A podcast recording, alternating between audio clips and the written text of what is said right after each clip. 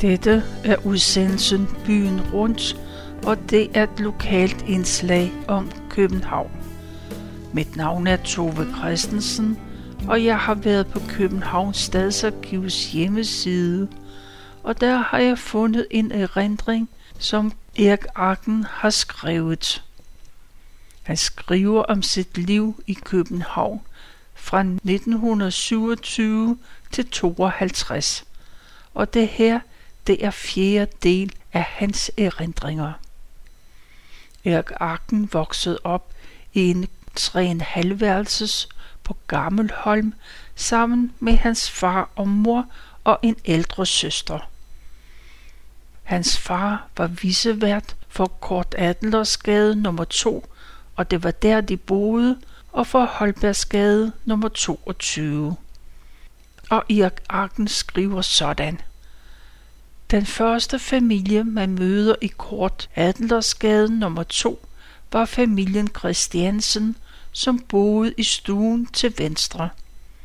Til højre, som allerede nævnt, boede købmand Gradert.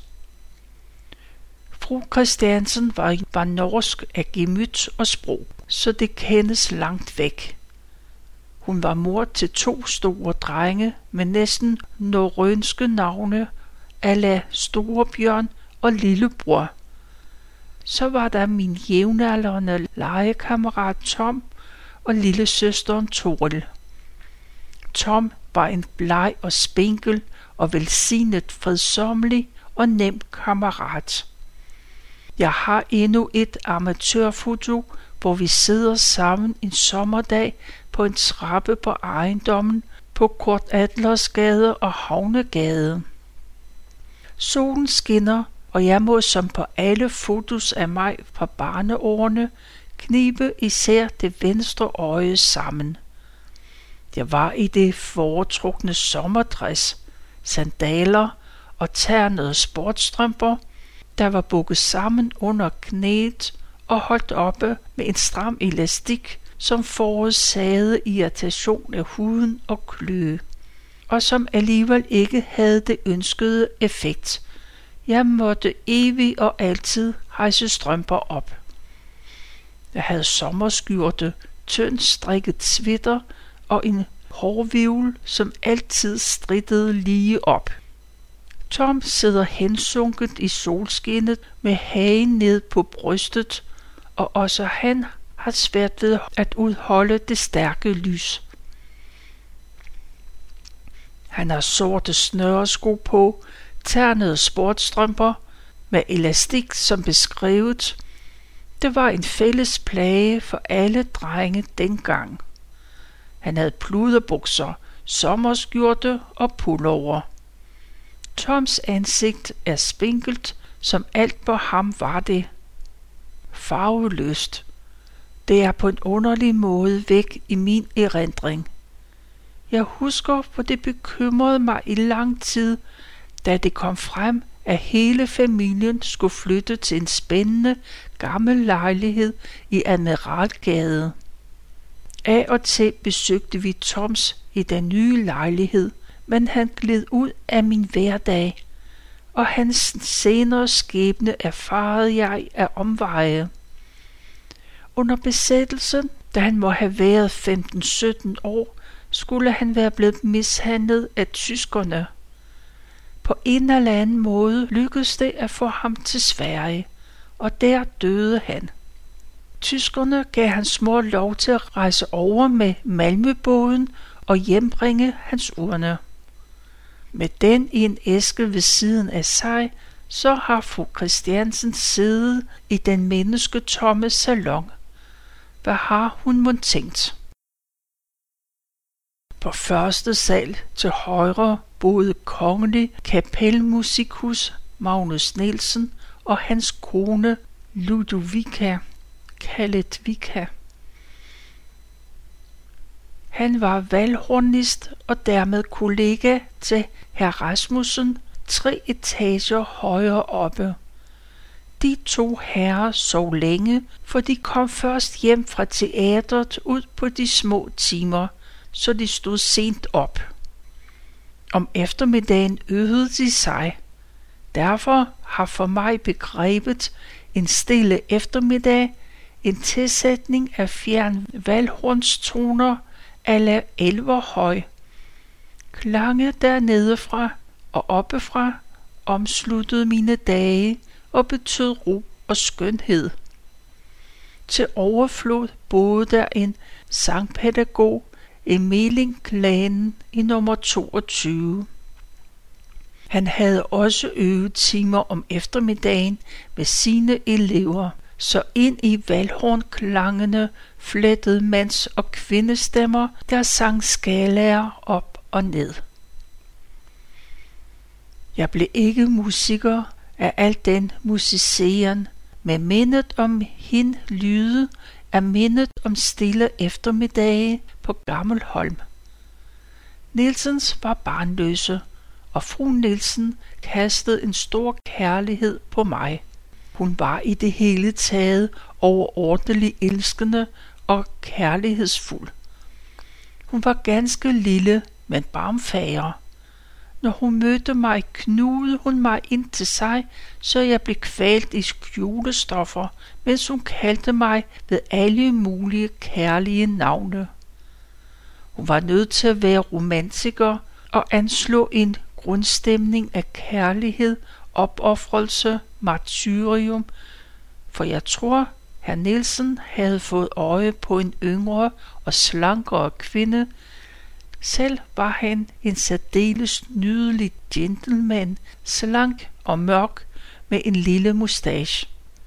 Antagelig søgte han en dobbelt tilværelse, indtil et hjerneblødning invaliderede ham og gjorde ham totalt afhængig af sin kone Vika. Trods mandens sygdom var fru Nielsen lykkelig over at have ham for sig selv og for at kunne ofre sig helt for hans pleje. Hun var fuldstændig uselvisk i sin omsorg for ægtemanden, og da et par tilbagefald om sider kostede herr Nielsen livet, dyrkede hun ham med en uudslukkelig hengivenhed. Hun dækkede op til ham, stillede tændte lys ved hans kuvert, anbragte hans foto foran tallerkenen og stillede roser ved siden af.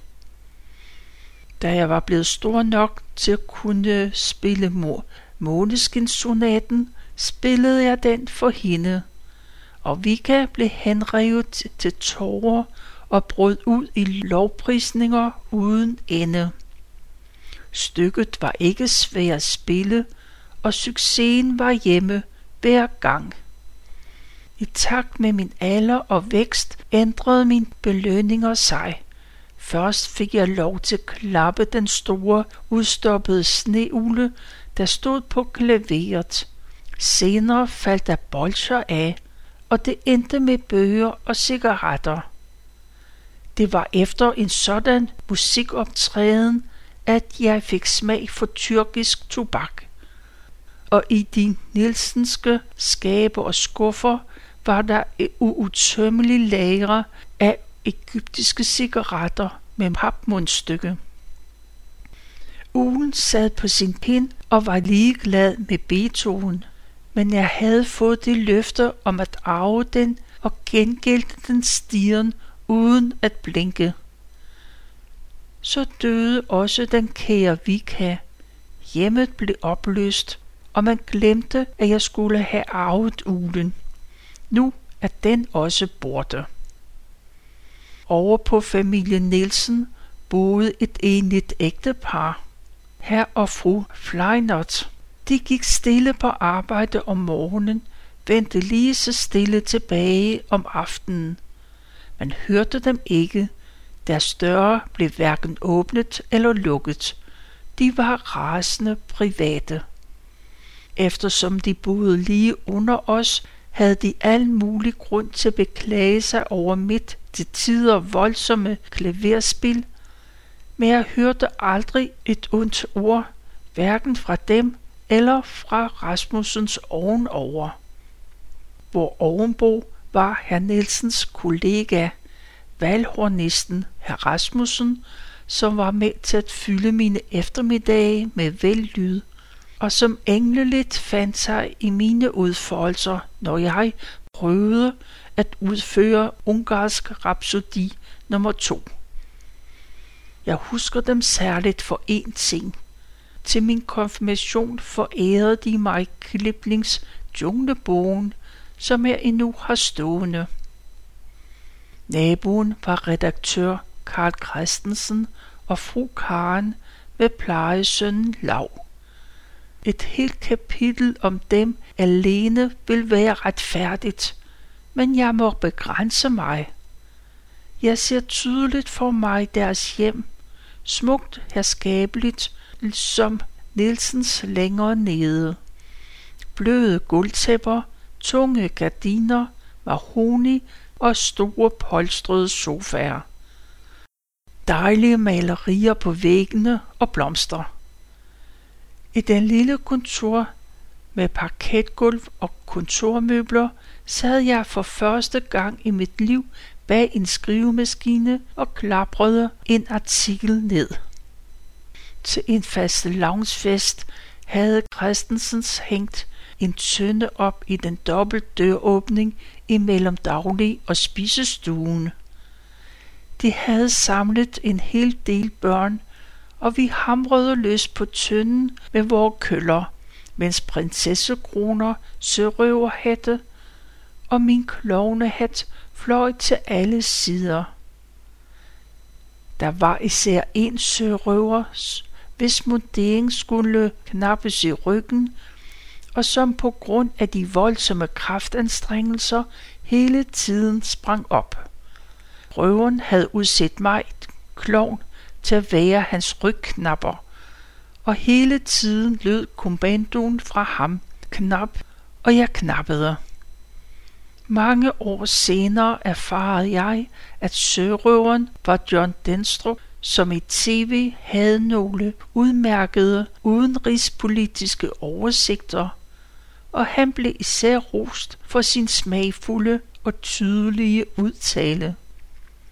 Hver gang jeg så ham på tv, tænkte jeg, at nu havde han nok fået en kone til det grove knappearbejde. Senere skulle vi børn spise boller og have gaver. Jeg modtog med fryd mit livs første legetøjsbil med gummihjul. En smuk lysebrun åben vogn, der stadig står for mig som udtryk for den højeste elegance og skønhed. Fru Christensen sad for den ene bordende, jeg for den anden. Men jeg var forberedt og vogtede på, når hendes højre hånd søgte ned under bordet.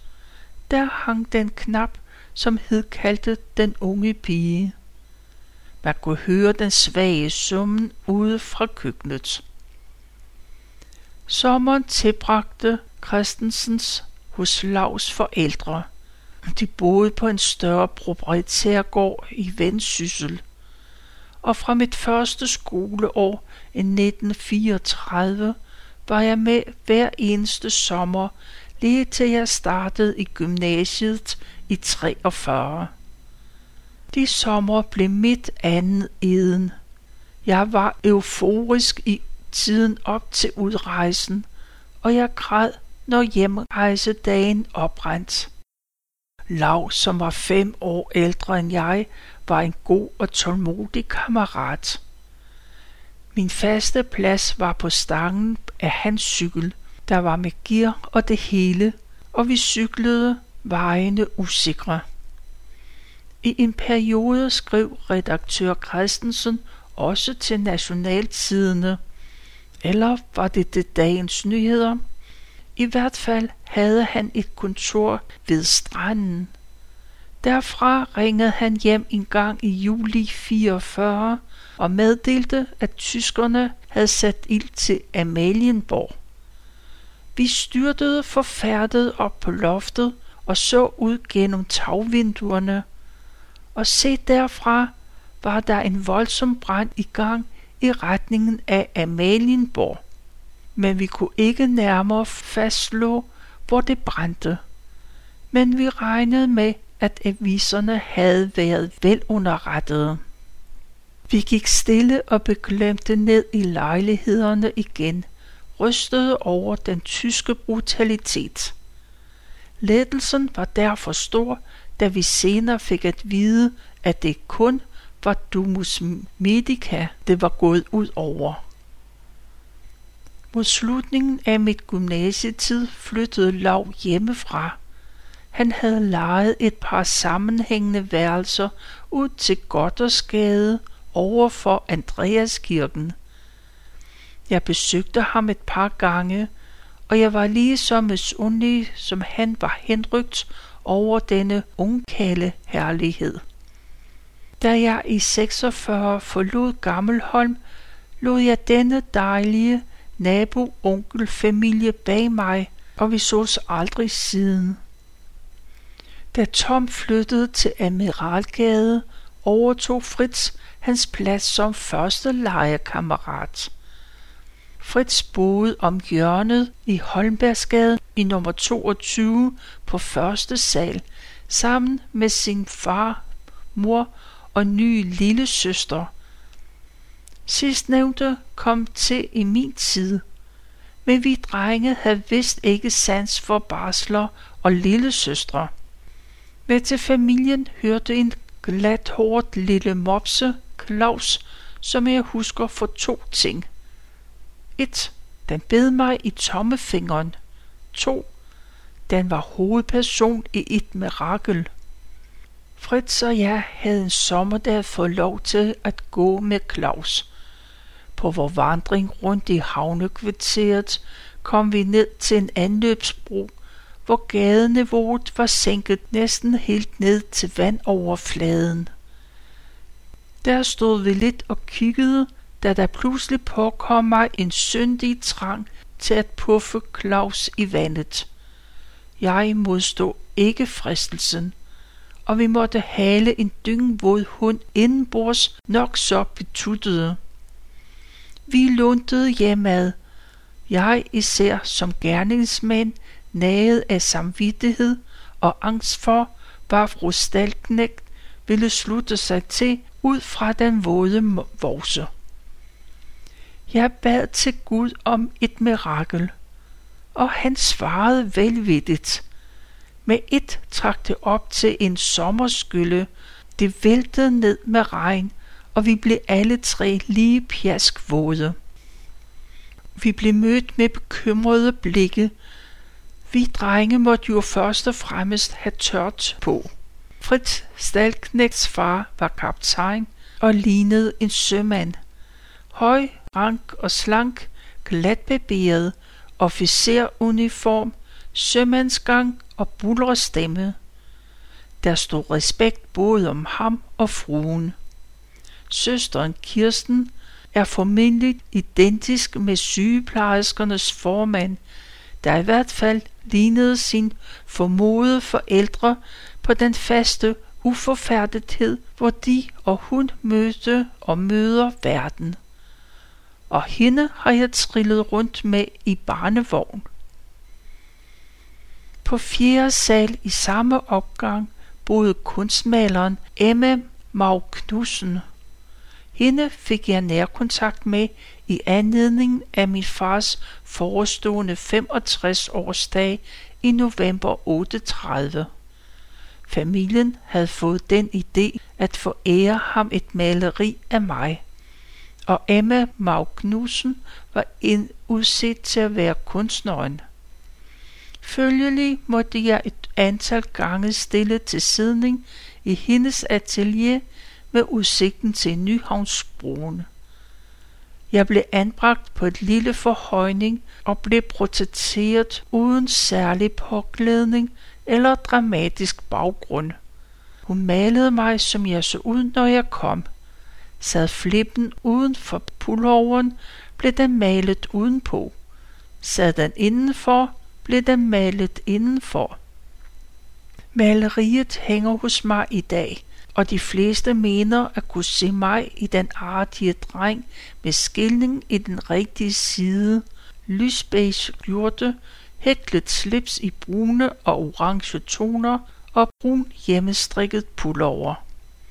Tilfældet ville, at jeg ved den sidste sidning havde flippen rigtig placeret inden for pulloveren, og der ses den endnu mere end 50 år efter. For ganske få år siden fik jeg besøg af en fru Preisler, som var veninde til Emma, nu gift med kunsthandler Brink. Emma Brinks sidste år havde været svære. Hun tilbragte dem på et plejehjem, men hun opnåede at blive Charlottenborg-udstiller. Når folk undersøger maleriet nøjere, påtaler de altid, at malerinden havde anbragt mine flapører i forskellige højde, indtil de kigger efter og ser, at Emma Mau Knudsen havde malet rigtigt. Lejligheden Kort Adlersgade 2, 3. sal til højre og Holbergsgade 22, 3. sal til venstre havde fælles vægge. Det er vigtigt at notere sig, for gennem den tynde murstenskal forsøgte jeg at melde mine følelser for datteren derinde, min jævnaldrende Solvej. Jeg ved ikke, hvor tit jeg spillede Grigs Solvej sang som en kærlighedserklæring, og straks den sidste tone var død hen, for jeg hen til væggen, lagde øer til og ventede at få et slags svar. Hun havde ikke den stil, og jeg hørte aldrig noget derindefra. Det eneste jeg opnåede var at afsætte en plet på tapetet fra mit pomadiserede hår. Familien undrede sig så over, hvad det dog kunne være, og jeg bidrog ikke til opklaringen. Fritz og senere Hans var mine rivaler. Jeg var nok den værst medtagende. Jeg vred mig i pine og græd mig i søvn af uklar længsel efter noget. Jeg var rystet i min arme drengesjæl, indtil følelserne druknede i gymnasieårenes tummel. Men jeg var for længst gift og far til flere børn, inden jeg smed hendes hårlok ud. Den 28. oktober i år fylder hun 68, hvis ikke også hun er borte. I de dage gik der regelmæssigt både fra Havnegade både til Malmø og Bornholm. Så hyppigt og regelmæssigt, at vi delte vores tid op efter dem. Vi var jævnligt i Malmø, men vores indkøb var vist ret beskidende. Det var først efter krigen, da svenske indkøbsturister strømmede ind over Gammelholm på jagt efter spiritus og kød, at bydelen ændrede karakter til det rigere. Før krigen sejlede vi over efter gramofonplader, snus og skrå. Alle disse sager kunne fås i EPA. Når vi nåede tollen i Havnegade, trådte de voksne straks frem til skranken og fremviste med lysende ren samvittighed deres lovlydige poser og tasker.